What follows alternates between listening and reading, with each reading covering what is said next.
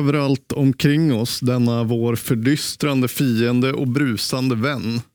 Vad vore vår värld utan granar, utan massaved, julgran och gravens ris? Vi uppsöker gläntornas ljus och bor till en del i städer där vi får för oss att vi är oss själva. Ändå är vi vad vi är, ett granskogsfolk och med gran ska vi myllas. Hemlöst förbundna i städer och byar lever vi med vårt tungsinne försänkta i gran. Så skriver Harry Martinsson i diktsamlingen Tuvor. Jessica Polfjärd, du är Europaparlamentariker för Moderaterna och författare till essän Vår skog som vi lanserar idag. Eh, I din text är du inne på att vi kanske inte är ett granskogsfolk längre. I alla fall inte på samma vis som Harry Martinsson antydde. Eh, många svenskars relation till skogen har blivit något annat, mer distanserad kanske. Vill du berätta lite om hur du ser på det? Det stämmer ju. Jag menar, I takt med en urbanisering som vi har sett ske över tid så har vi också kommit längre ifrån naturen. Vi har kommit längre ifrån lantbruket och det som en gång var en väldigt naturlig del av vår försörjning och också vår livsstil har ju förändrats över tid och vi ser ju också att det har påverkat skulle jag säga hur vi ser på skogliga resurser till exempel och hur, vad vi har för relation. Men jag tycker också att det är intressant i termer av eh, pandemi, eh, när det blev svåra tider för Sverige och för andra länder, så fanns det en naturlighet i att söka sig tillbaka till skogen. Eh, jag tror att vi var många som kunde se på våra sociala medier hur man sökte sig just till skogen, att få den här friheten, att få lusten att eh, samlas kring det som var naturligt och lite tillbaka till rötterna. Eh, så jag tror det fortfarande spelar en väldigt stor roll och jag tror att vi alla har väldigt många relationer till skogen och till naturen som är individuellt förstås, men som kollektiv så tror jag fortfarande att det finns en nerv av just det här granskogsfolket som du också beskriver. Men som sagt att det är någonting som vi märker, vi, vi kommer längre ifrån det och vi får en annan relation. Och jag tror också att det handlar om att det är en naturresurs som vi har tagit för given under väldigt, väldigt lång tid. Mm. De, de, senaste åren så har vi sett en ganska starkt polariserad skogsdebatt. Mm. Ehm, det, skogsbruket ifrågasätts. Det är någonting som du tar upp ganska liksom, ingående i din essä förstås. Och eh, skogsägare, skogsindustrin blir liksom ganska starkt kritiserad. Mm. Eh, vad är din förklaring till att debatten har hamnat här? Jag tror en del av förklaringen är det som du nämnde i början, eller det som vi just diskuterade, nämligen att vi har inte samma relation. Eh, vi kommer längre ifrån. Jag märker det när jag pratar med lokalpolitiker till exempel, de som kommer från skogslänen, så är det, oaktat vilket parti man företräder så har man en kanske större förståelse för vad skogsbruket faktiskt innebär och vad det gör för en bygd och vad man behöver för näring eh, för att faktiskt också kunna få, få både jobb och tillväxt. Men eh, jag tror också att det handlar om eh, en utmaning ifrån vänstersidan där man inte riktigt står upp och förstår det svenska skogsbruket och att det finns skillnad på Amazonas och det svenska skogsbruket och det finska. Hur vi hanterar och hur vi ser till att vi över generationer faktiskt har sett att det här också blir bättre, att vi har en tillväxt i skogen så det är väldigt tydligt att vi har ett, ett eh, långsiktigt hållbart skogsbruk som faktiskt också fungerar. Och jag tror att eh, det man har sagt, Greta Thunberg har vid något tillfälle sagt att det är den nya oljeindustrin, eh, så tror jag det är väldigt viktigt att vi som arbetar och ser vikten också ger oss in i den här debatten. Och det är väl just boken en, en, eh, ett försök att, att medverka till att vi kan få flera röster i debatten som också gör att vi både ökar kunskapen men också står upp för den svenska skogen. PM Nilsson, du är vd på Timbro.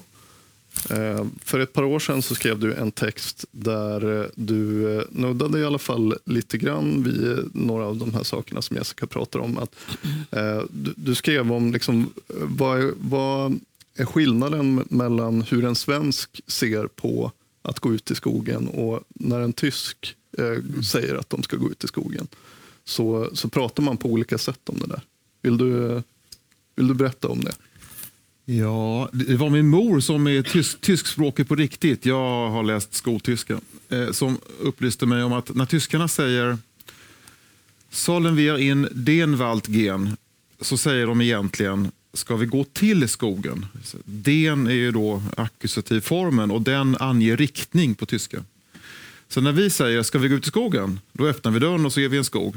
Och det anger ju liksom, eller antyder vår relation till skogen. Men de säger då, när de säger ska vi gå ut i skogen, så säger de ska vi gå till skogen. Och det är ju mer kontinentaleuropens syn på skogen. Det är en dunge på andra sidan åken, resten är nerhugget. Och den är mycket skyddsvärd och har mer med sagoväsen att göra och sådär, än med skogsbruk.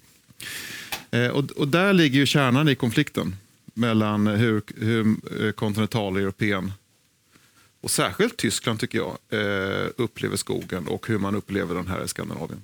Det är någonting som omger oss. Därmed är inte sagt att den skandinaviska synen på skogen är, liksom, eh, är oföränderlig. Den ändras ju hela tiden. Eh, dels i takt med urbaniseringen som Jessica skriver om i sin fina essä. Som en bred kulturhistorisk eh, målning av hur man har sett på skogen i barnlitteratur och litteratur och i politiken. Men det ändrar sig ju hela tiden. Och sen så tycker jag att EU, EU verkar ändra svenskarnas syn på hur man ser på skogen. Och globaliseringen verkar ändra vår syn på hur vi ser på vårt skogsbruk.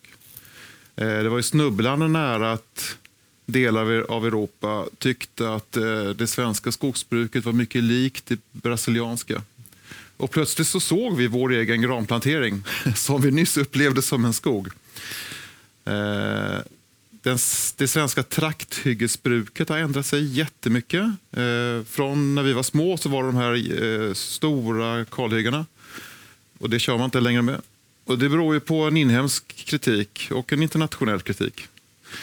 Så det är spännande hur mycket synpunkter som finns på skog och skogsbruk. Och hur mycket synpunkter som eh, nog måste finnas på skog och skogsbruk. Vi har ju synpunkter på brasilianernas eh, skogsbruk och på Borneos och på Afrikas och på Indiens.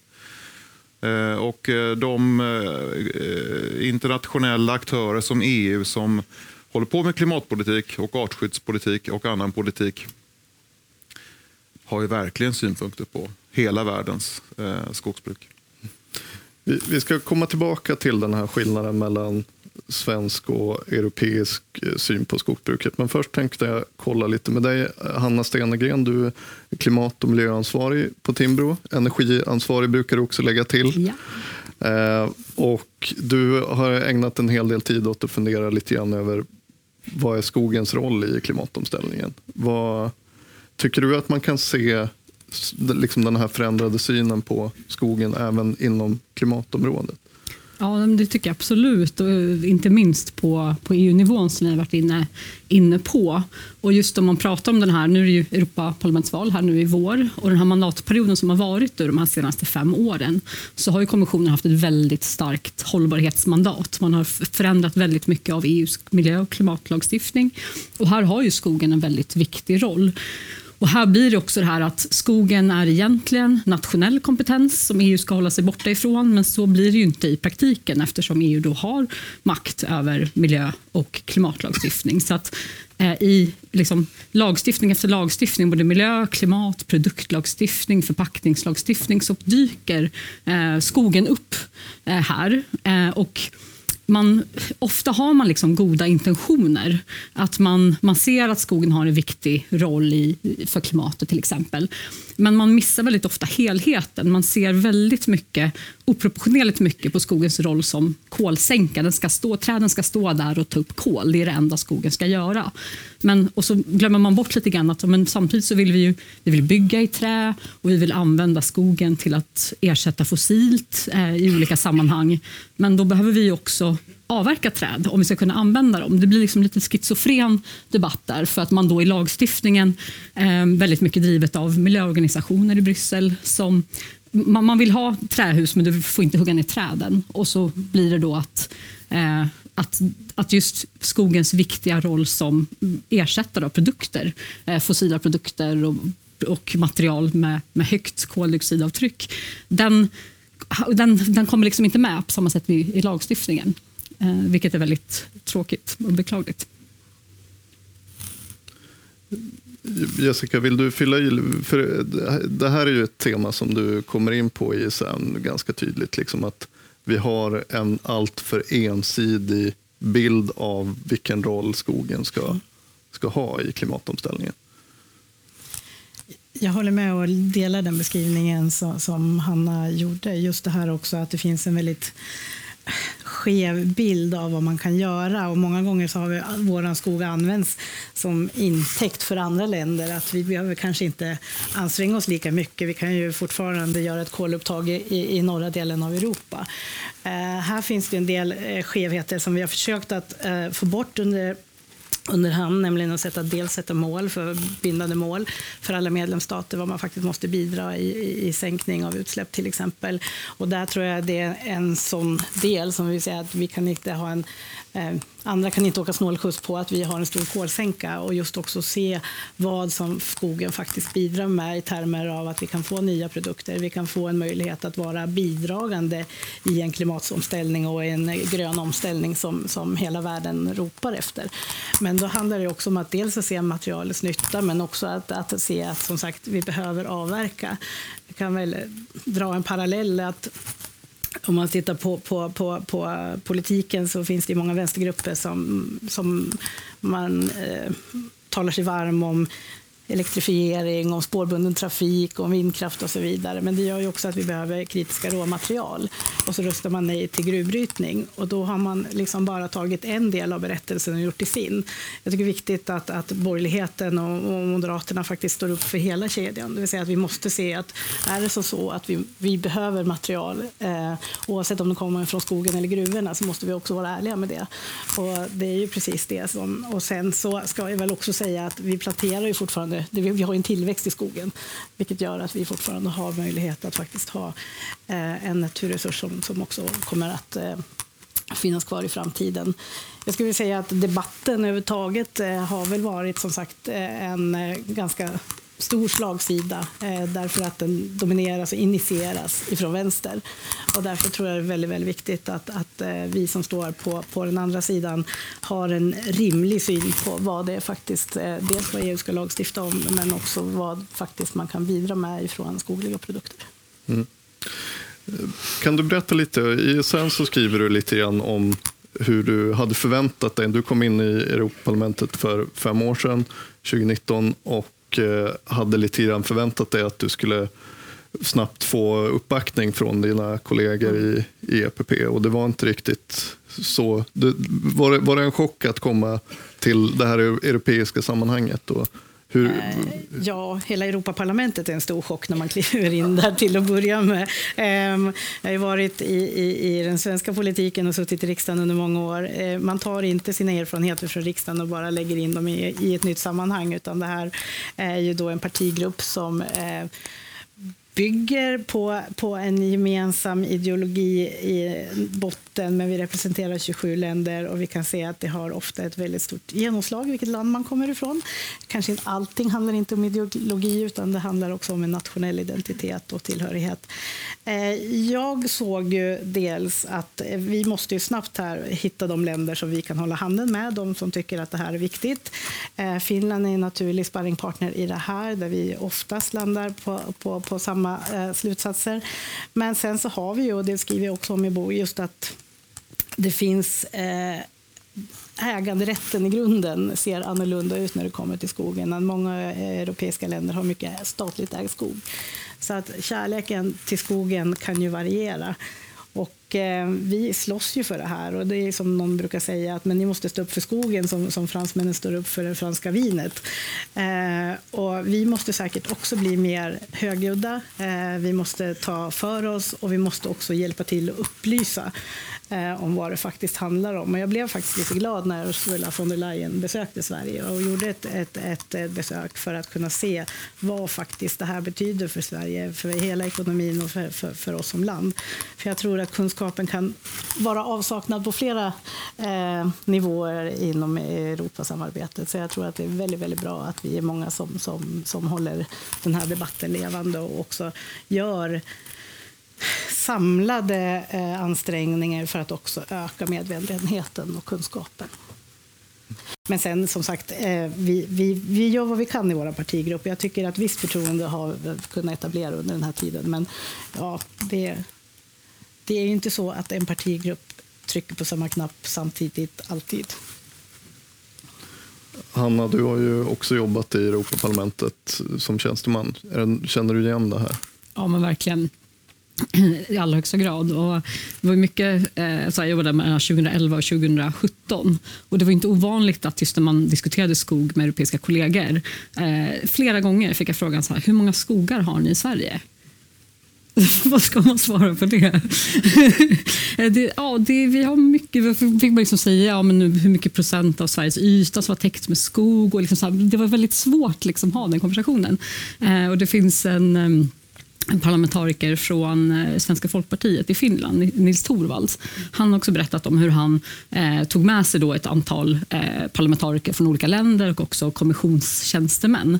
Eh, och liksom hur den här aha-upplevelsen när de då flög över Finland. och så här, Nu förstår jag vad du pratar om, att det inte går att räkna antalet skogar.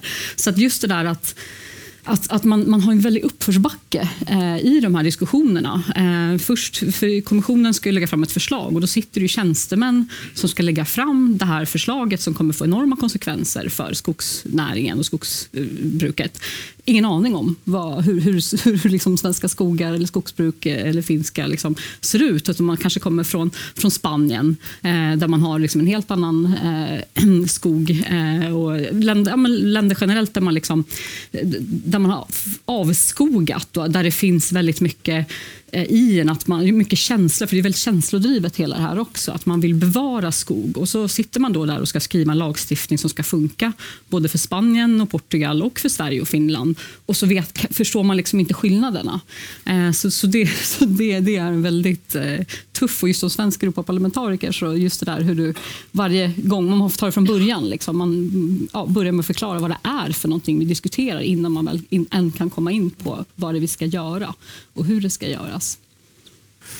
En eh, lite märklig sak tycker jag i skogsdebatten, det är att, och, och som du också tar upp Jessica i ISN, det är att vi har sett att samtidigt som skogsbruket blir mer och mer kritiserat så förbättras så mycket av de här miljöaspekterna, förutsättningarna för biologisk mångfald, eh, dö, mer död ved i skogen, mer gammal skog, Eh, vi har mycket mer lövträd än vi, vad vi hade för 30 år sedan. Och så där. Eh, och det, det, är lite intressant då, här, varför, varför är det så till att börja med? Varför eh, ser vi den här motsättningen trots att det egentligen kanske borde bli min, minskade motsättningar?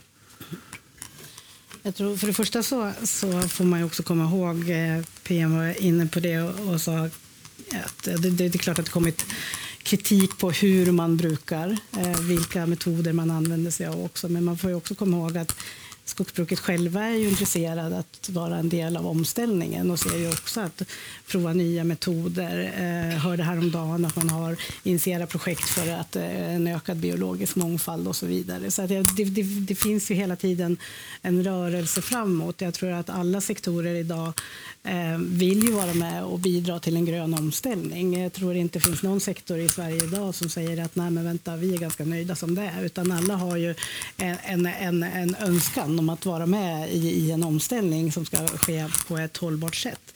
Så att där ser vi ju Absolut, och jag tror också att man får se vad det är som man gör för att också bibehålla biologisk mångfald och också hålla, eh, ja, bruka på ett fortsatt hållbart sätt. Jag tror också att, som jag började med att säga, att, att det finns en sammanblandning här av vad som sker i Amazonas Eh, Eh, där vi också, precis som PM sa, vi kostar ju på oss att ha synpunkter på hur man brukar eh, på ett icke hållbart sätt därför att vi ser att vi vill inte eh, importera den typen av, av produkter eller material för att vi ser att vi har en skyldighet i Sverige att faktiskt vara mer hållbara. Och jag tror över tid så har vi ändå sett att det har ju vuxit fram regleringar från tidigt för att vi ska kunna ha just hållbarheten och att det, vi kan inte bara avverka Eh, precis som vi vill. Men nu har regeringen också eh, presenterat en skogsutredning vilket gör att de här frågorna fortsätter att komma i fokus. Men jag tror också att det gäller, eller gäller, men jag tror om man tittar på vänstersidan så, så har man fortsatt, fortsatt att leta efter någonting som man kan ge sig på eh, för att föra sina egna teser i, i, i, bevis. Och jag ser nog mer och mer att det, som du också börjar med att säga, att det blir en polarisering som egentligen i grunden är ganska onödig. Därför kan vi se på det värdet och den, den resurs som det faktiskt kan vara och på det sättet som man också eh, vill bruka hållbart så, så ser jag att det här är något som vi kunna enas om att det faktiskt är bättre. Och vad är det vi vill göra? Vi vill lämna den fossila, det fossila beroendet där vi ser att vi kan fortsatt fylla en väldigt, väldigt viktig funktion med de produkter som vi kan producera. Mm. PM, håller du med om det här? Skulle du säga, finns det en motsättning mellan ekonomisk effektivitet i skogsbruket, biologisk mångfald, miljövärden? Ja, det gör det nog i grund och botten. Det tror jag. Sen så eh, kan man ju hoppas att man kan bygga värden eh, med eh, det man kallar ett hållbart skogsbruk, eller ett mer ekologiskt skogsbruk. Att konsumenter är villiga att betala mer för det. På samma sätt som man tror att konsumenter är villiga att betala mer för fossilfritt stål och sådär. Men det vet i katten.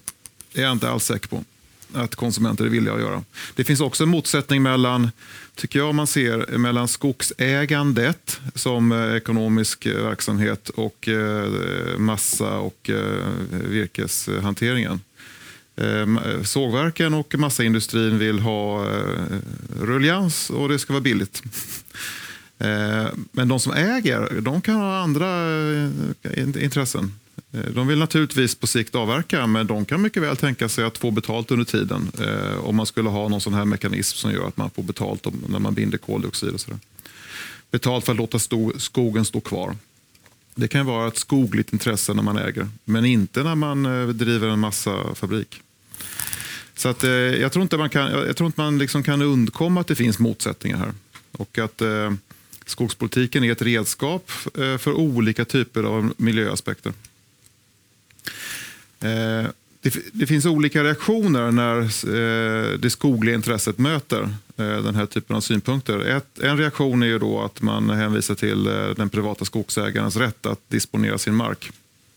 Och Det är en bra bottenplatta att stå på i alla lägen skulle jag säga. Eh, men den har ju inte varit eh, hållbar som strategi ens mot en så skogligt välvilligt inställd stat som Sverige. Sverige har ju sedan hundra år tillbaka haft distinkta synpunkter på hur man sköter sin skog som privat skogsägare. Och sedan vi gick med i EU så har EU synpunkter. Eh, och den andra reaktionen då eh, från svensk håll är att det ska vara en nationell eh, kompetens. Eh, men eh, jag undrar om det inte är så att Eh, det är mycket bättre för svensk skogsbruk att eh, vi är med i EU och att parlamentariker som Jessica och de andra kollegorna eh, förändrar kontinuerligt synen eh, inom EU-systemet på vad ett eh, hållbart skogsbruk är. Om vi hade stått utanför EU så hade vi inte haft den påverkan. Och EU reglerar, som Jessica sa, hela världens skogsbruk eftersom man berättar vad man ska köpa och inte köpa. Eh, vad, heter det här, vad heter det här direktivet som reglerar import av virke? Uh, är det det? Okay. Nej, det är en särskild eh, lagstiftning. Deforestation någonting. Ja, just det. Ja. Precis. Alltså, i, i, det ögon, I det ögonblick som man från EU, ja, i det ögonblick från, som man från EU-håll sätter ett likhetstecken mellan våra granplantager och de brasilianska ja. plantagerna, då är det klippt för Sverige. Då kommer vi inte kunna eh, exportera någonting till, till EU-området. Och det kommer vi vilja göra. Så att hur vi än gör så är vi ju liksom fångna av EU-systemets syn på den svenska skogen. Mm. Då är det mm. mycket, mycket bättre att vara eh, i systemet och påverka det så mycket som möjligt. Men det finns motsättningar i det, det måste man eh, vara öppen med. Jessica? Jag vill bara egentligen understryka det som PM säger, för det, det var ett ganska typiskt exempel där det var viktigt att vi hade svenskar på plats för att se till att det ska inte sitta något likhetstecken mellan det som sker i Amazonas alltså och det som sker i Sverige. Eh, och, och, då är det ju, och jag håller med dig om det, att det är alltid bättre att vara på, på insidan. Och det som jag brukar säga också, att ibland så är inte det viktigaste det som kommer med i lagtexten, utan det som inte kom med. Det vi lyckades få bort. Eh, för att det hade kunnat vara skadligt för, för, för Sverige på många sätt. Eh, sen så tror jag också, om jag bara får bemöta det, men, men, men just den här som du var inne på med, med till exempel kolkrediter och kunna ge möjligheter till skogsägare. Jag tror det viktigaste ordet är frivillighet.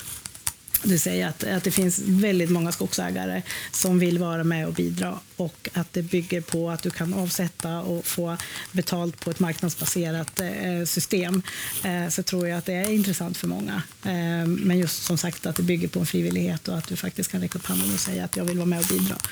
Eh, och då får jag också betalt för det. Så att det, det, det, finns ju många lösningar som vi kan titta närmare på som liksom är under förhandling. Men, men jag tror just det att det inte är ett tvång och att det inte är, handlar om att vi tar i beslag eh, det som faktiskt människor i generationer Ja, har verkligen. Då ska man ha betalt. Eh, Men sen så är det ju, alltså det svenska skogsbruket nu är ju en succé på så många sätt. Eh, dels är man mycket, mycket bättre på att eh, skydda arter eh, av ganska knöliga skäl då och då om man är skogsägare. Eh, och sen så växer det ju som 17, eller hur? Det växer mer nu än vad det gjorde för 100 år sedan och vi har mer skog nu än någonsin i Sverige. Det är mycket, mycket tätare och finare och mår mycket bättre och sådär. Men det tog ju drygt 100 år för oss att komma dit. Och under de 100 åren då vi, då vi har bedrivit ett modernt skogsbruk så har det ju verkligen inte alltid varit bra. För det var ju inte, I efterhand var det inte bra med de här enorma kalhyggena som vi gjorde. Och dessutom så hällde vi ut hormoslyr för att bli av med slyn. Så, att, så Sverige har ju liksom dels av endogena processer uppfostrat sig själv eh, till att driva fram ett mycket bättre skogsbruk. Men jag tror att EU-medlemskapet har hjälpt oss i att se världen som vi hade svårt att se. Och som den svenska skogsindustrin inte ville se. Det, det skulle ju gå att beskriva det lite som en nästan hegeliansk process det här att vi börjar i liksom ett väldigt ineffektivt skogsbruk i början av 1900-talet som liksom blädningsbruk som, som eh, eh bra på många sätt kring eh, naturvärden men det är inte så ekonomiskt lönsamt. Och sen så lägger vi om det här Eh, pendeln slår över hela vägen åt andra hållet. Man får liksom betala böter om man inte hugger ner sin Eh, fula ekdunge som är jätteimproduktiv. Eh, och sen så kommer vi till syntesen, kanske i början av 90-talet då, som är att försöka jämka samman de här eh, perspektiven och att säga att okej, okay, den här ekdungen som vi nyss hotade, staten hotade med att du får böter om du inte hugger ner, den kanske du ska låta bli att hugga ner ändå. Och det, det är det här som jag är lite inne på att den här, visst finns det en konflikt mellan ekonomi och, och biologisk mångfald, men eh, vi har ändå en skogslagstiftning som, som bygger på att de här två ska kunna samsas. Eh, ja, det är ni som kan det här egentligen. Men, men alltså, bara för att det finns en konflikt så behöver det ju inte betyda att, det inte, att man inte kommer fram till någon lösning som kan funka för många parter. Men jag, man, ska inte, man ska nog erkänna att det finns en konflikt. Eh, men men eh, det, det finns ju värden i att hävda som de mjuka faktorerna i skogsbruket också. Eh, Det ska bli jätteintressant att se ifall man kan ta betalt för det.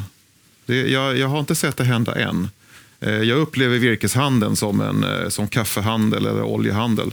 Eh, eller oljemarknaden. Att den, är liksom, den, är, den är global och det går på pris. Men det ska bli jätteintressant att se om Mellanöstern, som är en stor marknad för oss, eh, när, man ska gjuta, när de ska gjuta si- sina cementkonstruktioner så, så eh, tar de mycket virke. Ifall, ifall de i en sån produkt skulle få för sig att betala mer för en ekologiskt odlad skog. Jag tror inte det, men eh, vi får se. Jessica? Jag tror ändå att det här är inte de snabba klippens ekonomi eh, eftersom vi vet att ett, ett träd eh, har en ganska lång eh, livscykel innan det blir någonting värt. Så att säga. Jag tror vi kan se det på, på, på många sätt att det, har, det är en investering över generationer. När, när stormen Gudrun var så vet jag att det, det fick ju väldigt stora konsekvenser för många som har sitt kapital i, i skogen. Ehm, så att det, det finns en långsiktighet i det här som jag tror ändå är attraktiv därför att det gör att du, du måste tänka långsiktigt. Ehm, det, det, finns, det finns ekonomi i, eh, i, i, i trädet, men du behöver också se, se att det här är en ganska lång eh, tid som du behöver eh, vårda. Eh, jag tror också att det finns nog en vilja att faktiskt, eh, och det finns en efterfrågan efter hållbarhet. Eh, när vi ställer om ett samhälle så, så ser vi ju att det finns eh, Ja, Sveriges eh, till exempel skulle jag säga fördelar är att vi har en ren energi. Vi har ju sett flera etableringar på, på företagssidan där man faktiskt har tittat att man vill he ha hela produktionskedjan ren vilket gör att man har tittat lite extra på Sverige och vi har fått etableringar som, som, som eh, kan då se att det finns ett mervärde i att vi har en ren energi och att vi kan se till att vi också slutprodukten kan bli hållbar. Eh, och eh, du nämnde stålet också. Jag tänker också att det, det, det finns ju en vilja och, eh, att, att använda sig i sina produkter av långlivade eh, hållbara produkter. Så jag tror nog ändå att det finns en efterfrågan. Sen så kommer det alltid finnas produkter som är billigare. Det kommer finnas billigare stål och det är det vi också försöker att se till nu att vi inte, att vi inte gör omställning i Europa och sen importerar det som är smutsigt utan att vi faktiskt kan också se till att vi har eh, höjd och att vi kan bibehålla den eh, och inte konkurreras ut av det som är. Eh, så kanske över tid, men, men jag tror absolut att det kommer finnas en efterfrågan av hållbara produkter som har en, en, en hållbarhet från början till slutet. Mm. Anna, vad tänkte du säga? Ja, men instämmer. Jag tycker också ofta i debatter att man, det pratas ju väldigt mycket liksom, eh, just från vänstersidan, eh, inte minst som du var inne på Jessica, just det där om att liksom, skogsägare är profit och eh, liksom, man tänker liksom storindustri, men att man ofta glömmer bort de här över 300 000 svenska, svenskarna, va, va, ja, vanliga svenskar, så, som äger skog. Och Det är någonting också som jag tycker i debatten som har varit här i Sverige nu också blir det, det liksom, eh, kommer bort väldigt mycket. Eh, att det blir liksom, eh, ja, lite organisationer som kanske räddar skogen mot liksom, stora kapitalister. Liksom. Eh, och Det här skapar ju också Eh, där, där man liksom inte känner igen sig. För ofta som du, har varit inne, som du var inne på Jessica och som du är inne på i din essä, också just att många skogsägare äger skog nära sig. Eh, som man är, är i varje dag, att man, att man känner för sin skog. Man, det, har, det har både ett värde, ett ekonomiskt värde framöver men det är också någonstans där man vistas och man har sin, sina favoritplatser och allt det här. Och det är ett perspektiv som det blir väldigt olyckligt när, när det saknas, så som det har gjort i, i debatten som, som är nu. Och Det gör ju också att just det här, den här viljan som vi har varit inne på, att den finns hos väldigt många. Att man, man, man vill eh, att det ska finnas biologisk mångfald och många just det här att det är mycket som bygger på frivillighet. Det är också någonting som skiljer liksom vänster-höger, att just synen på äganderätt. Att vi ser att liksom äganderätt ett frivilligt då, att man vill frivilligt bidra till eh, att skapa biologisk mångfald och göra de här sakerna för man ser, man ser ett värde i det också. Att det inte är en motsättning mellan att tjäna pengar eller eh, öka en biologisk mångfald utan att det går att kombinera det här. Sen, ja, det, det, är, det, är, viktigt med den aspekten, men det, men det är ju knepigt ändå. Eh, om, man, om, man tittar, om man tittar på, alltså, på, på... Eh, när flottan var stor och stark i Sverige och byggd av ek, då var det det här berömda eh, e, ekdirektivet, om vi får kalla det för det. Så det var dödsstraff att ta ner ekar, för att marinen ville ha alla ekar. Och det gjorde att markägare under inga som helst omständigheter ville ha ek. Så, så fort de såg en ekplank där så togs den bort. Så att eh, slut, liksom, i slutändan så blev det liksom mindre eko av den politiken. Eh, och, eh, i, eh, idag i Dagens Industri så är det en otroligt rolig intervju med eh, Roger Akelius som just nu eh, investerar i skog. Delvis av sentimentala skäl, men han har 15 jägmästare i Sverige som åker runt och köper upp skog till honom. Och Då kollar han upp så här, finns det, eh, finns det hackspett, finns det det, finns det det, finns det det. Köp det då absolut inte. så att eh, det, det, det, här finns liksom intressemotsättningar som är på allvar och som, som är jättesvåra att runda. Ehm, så det är inte säkert att de här artskyddsdirektiven gör att man gynnar miljön för eh, hackspetten och eh, de olika blommorna som man är intresserad av. Mm. Men det, vi, vi, har pratat lite om oavsedda konsekvenser av regleringar. Eh, om eh, vi säger att eh, en, en skogsägare anmäler sin skog för avverkning, får betalt för att låta den stå i 10, 15, 20 år till. Eh, vad hindrar andra skogsägare från att säga då att eh, jag hade egentligen inte tänkt hugga den här skogen men nu kan jag ju få betalt för att inte hugga den. Eh, hur, hur, eh, liksom, hur kommer vi undan den typen av... Förstår du vad jag är ute efter Jessica? Ja, eh, återigen så tror jag att det, det, det viktigaste incitamentet är frivilligheten här. Därför att om du själv kan din skog, vet var du bäst skulle kunna göra en avsättning, eh, så tror jag i grund och botten att det är bättre Ehm, vilken typ av skog du har, hur det ser ut och, och var du kan planera för det här och också lägga in det i beräkningen. Eh, utan det här är inte ett uppifrån direktiv som säger att just den här delen så måste du eh, undvara, utan att det finns en möjlighet och också en kompensation i ekonomiska termer som du faktiskt kan, kan, kan lägga in i din, din kalkyl. Eh, jag tror att de incitamenten behöver bli fler och det som jag också beskrev eh, när jag hörde om projekt till exempel när det kommer till biologisk mångfald handlar ju också om att du i grund och botten behöver ha en kunskap om vilka, vad det är som fattas och vad du vill ha mer av. Eh, och också göra det på ett sätt där du faktiskt kan ha ett basår och sen kan du mäta och se om tillväxten har, har lyckats. Så eh, jag, jag, tror eh, generellt så, så, tror jag man ska fortsätta att, att, att lita på skogsägaren eh, och också vara tydlig med vad vi vill från politikens sida, vad det är vi vill se. Eh, och eh, en ekonomisk kompensation. Och jag tror väl eh, ja, vi kanske kommer från samma sida av, av ideologin, men just det, incitament och eh, marknadsbaserade lösningar eh, kommer ju ändå vara mer gynnsamt än, än eh, direktiv som säger att du måste, måste bevara just den här delen av det som du har planterat. Och jag, eh, som sagt, vi har en stor tillväxt i skogen så att det tror jag också är ett incitament. Men jag skulle säga att det som sagt måste ske. Hanna? Ja, men jag, jag instämmer väldigt mycket med det som du säger Jessica. Och sen just, det där, eh, just den här synen på, alltså, som vi var inne på lite grann eh, tidigare, just att man, att man har eh, tidigare liksom, i historien inte varit så hållbar. Eh, att, man, att det har funnits skogsbruk som inte har varit hållbart. Men vi upplever att det verkligen finns en, en vilja, eh, just som vi var inne på tidigare också, att man inte bara som enskild skogsägare utan också näringen, att man liksom vill gå från att ha varit en del av problemet till att vara en del av lösningen.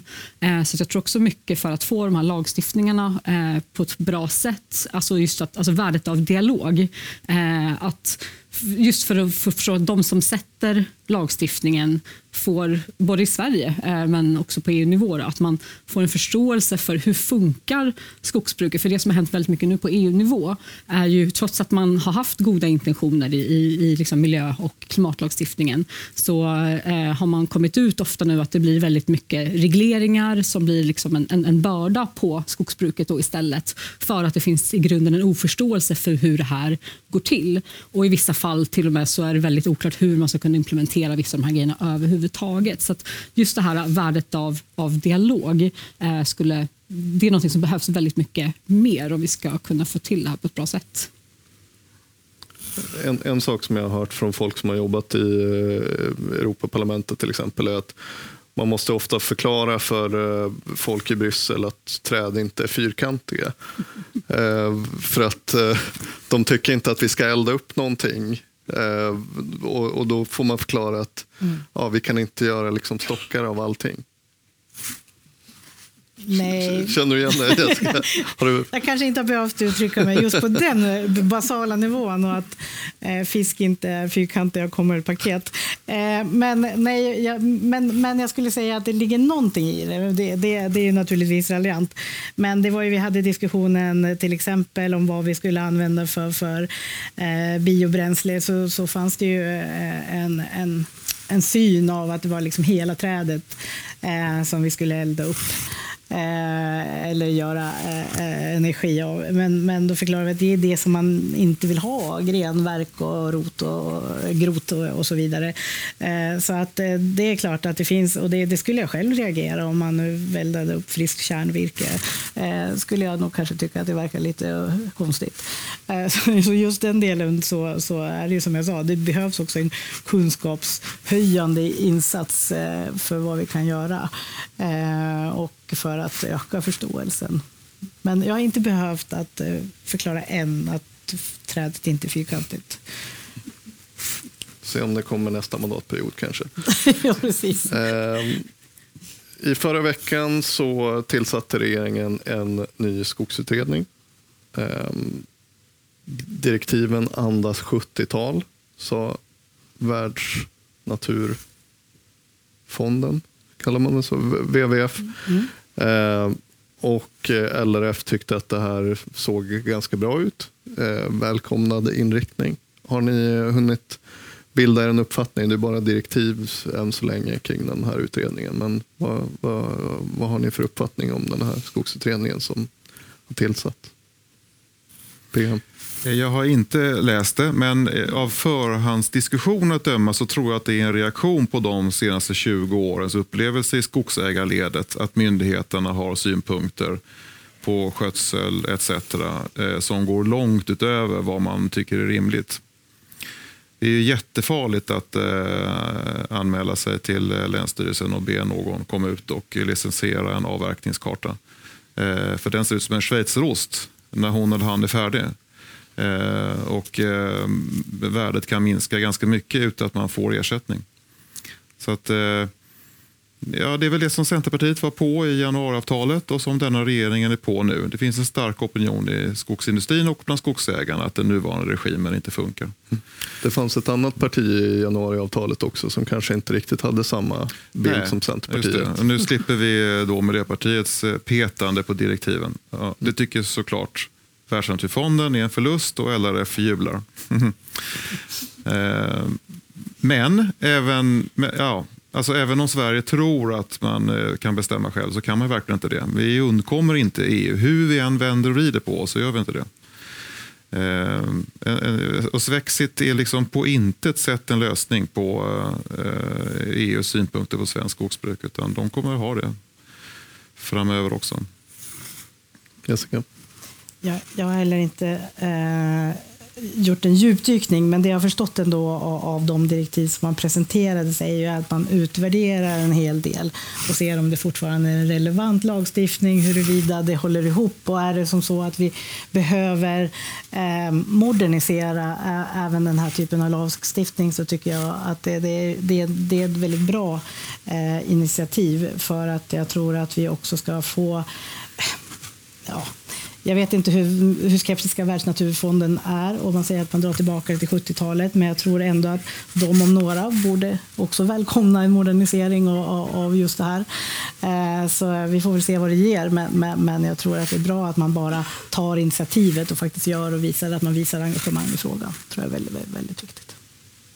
Det finns eh, en utredning som kom i höstas som eh, John Hassler presenterade om klimatpolitiken som knyter an lite till eh, det som, som vi skulle kunna avsluta på om du inte misstycker att jag knyter an till det. För det som Hassler föreslog då, i, om man ska sammanfatta det lite kort, det var att vi skulle ha någon typ av styrmedel för hur, liksom, när vi avverkar skog, vad händer med den biomassan som vi har avverkat då? Hur, hur skapar vi incitament för att det här ska binda så mycket kol som möjligt. Eh, att det här ska bli långsiktiga produkter snarare än att eh, och, eh, och för den delen även liksom att kunna låta träden stå kvar och binda kol längre tid.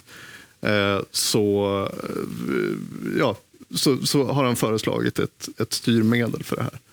Är det ett bra förslag?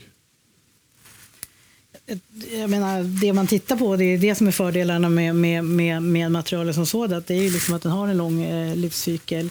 Eh, som sagt, vi har inte berört allting och vi, vi hade som utgångspunkt nu den eh, diskussionen tror jag eh, ändå så, som, som ja, jag har tangerat i boken.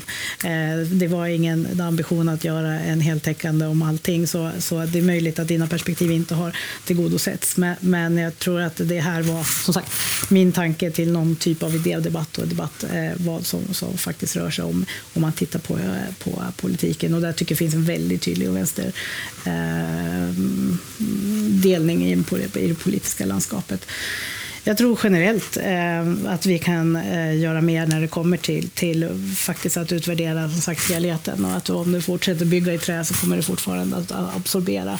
Eh, tittar du på vad som är kvar i marken också så har man ju sett att även eh, en stubbe som, som så att säga är avverkad också fortsätter att absorbera. Så att jag tror man får titta på alla, de, alla faktorer faktiskt vad som är som fortsätter att bidra. Hanna, vill du mm. kommentera Hassle? Ja, jag tycker också att det är ett intressant förslag och just det där äh, att titta på hur, hur man kan prissätta, som du också varit inne på PM, hur man kan prissätta nyttor. Mm. Eh, och viktigt att ha med sig här är ju då, eh, om man jämför med koldioxidprissättningen till exempel, det är ju ett effektivt verktyg. Att man då hittar motsvarande, att du hittar liksom en marknadsspelregler men att du prissätter det som är önskvärt. Eh, det tycker jag känns jätteintressant. Men vad är det han menar då? Är det att eh, man ska minska eh, virkesåtgången som går till pappersbruk? Eller? Eh, ja, alltså, han, han har nog inte blivit så konkret, men tanken är att försöka skapa ett system där du eh, driver mot högre förädlingsvärden. Mm. Så att säga. Mindre beståndsdelar ska eldas, mindre ska avverkas tidigt och ja, att ha ett ekonomiskt styrmedel för det helt enkelt. För det, det, rimligen så är det väl dina pappersbruk som snabbast eh, får upp kolet i atmosfären, eller hur? Det eldas rimligen snabbast ja, jämfört med virke. Ja, det är fliset ja. möjligen i ja, kraftvärmen som ja. går ännu snabbare. Ja, okay. eh, biobränslen. Ja. Ja, det kan man göra. Men det, det, om man vill, jag, jag, tror att, jag tror inte man ska liksom vädja till folks välvilja i första hand. Utan eh, om man kan skapa ekonomiska ersättningar eh, så att eh, skogsägarna behåller lite längre. Det, det tror jag är, är, en politik som vi vill eh, ha globalt. Det vore jättebra om man kan se att eh, jordens skogar ökar eh, framöver. Men då måste man nog ge folk betalt. Eh, för att de ska stå där. Va? Man kan inte bara liksom lita till att folk eh, vill hjälpa till. Och sen om man kan, när man väl har avverkat och bädda in virket på ett sätt som gör att det står där eh, och inte eldas upp de närmaste 50 åren, det vore, det vore bra. Men då är, då är det nog pappersbruken som... Ja, vi får använda kartong lite mindre då. Min gamla bransch, papperstidningsbranschen, håller på att mäla ur sig. Man använder knappt något papper längre. Eh, men eh, kartongbranschen eh, verkar ju ha gift ihop sig med den digitala handeln och går mot strålande framtider. Så där blir det nog sulfit och sulfatmassor som kommer kokas framöver även i Sverige. Har du kollat Billeruds senaste resultat? Gick det bra? Nej. Nej, okej. Okay. Varför det? Därför, därför Nej, men skogsindustrins eh, eviga dilemma är att så fort någonting börjar växa så överinvesterar man, så blir det kapacitetsöverskott mm. och så faller priserna. Mm. Och, eh, eh, det, det, är ju över tid en, en bransch som, som liksom inte har genererat någon större överavkastning. Liksom. Nu, nu leker man med någon slags skogsvärden inom SCA och Holmen och tycker att det är så fantastiskt. Men, men det är ju liksom, man värderar mark som, inte, som liksom avkastar noll. Om du tittar på SCAs balansräkning så har man 50 miljarder som är mark. Vad är det? Som är noll i avkastning. Liksom traditionell eh, företagsekonomi så, så har någonting som avkastar noll, det har noll i värde. Och det är liksom, kan man ju då fråga sig, vad är det? Ja, men det är lite kanske den här nollränteepoken vi, vi går igenom, som Roger Akelius lite grann såg igenom när han sålde sina bostäder men nu köper han mark eller köper skog. Jag kan säga att jag jo, Han tror att boniteten framöver kommer vara högre än räntan. Ja, mm. samtidigt läste du DN, om du läser DN idag så tror man att Golfströmmen vänder. Då blir det 20 grader kallare här, okay. så då, då blir det inte så mycket. Men det, det, strålande, det, som är, vi, vi, kan uh, antingen ha en strålande framtid eller förhindra ett Golfström. Vi, vi måste tyvärr avsluta nu. Ni får jättegärna stanna kvar och uh, mingla och diskutera vidare. Eh, allt från sulfat till Golfström. Eh, tack så mycket Jessica Polfjärd, Hanna Stenegren, PM Nilsson eh, för ett intressant samtal.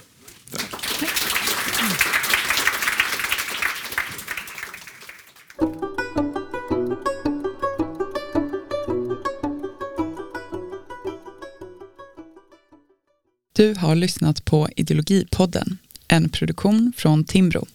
Redigeringen står Johan Skugge för och musiken är gjord av Anders Meissner.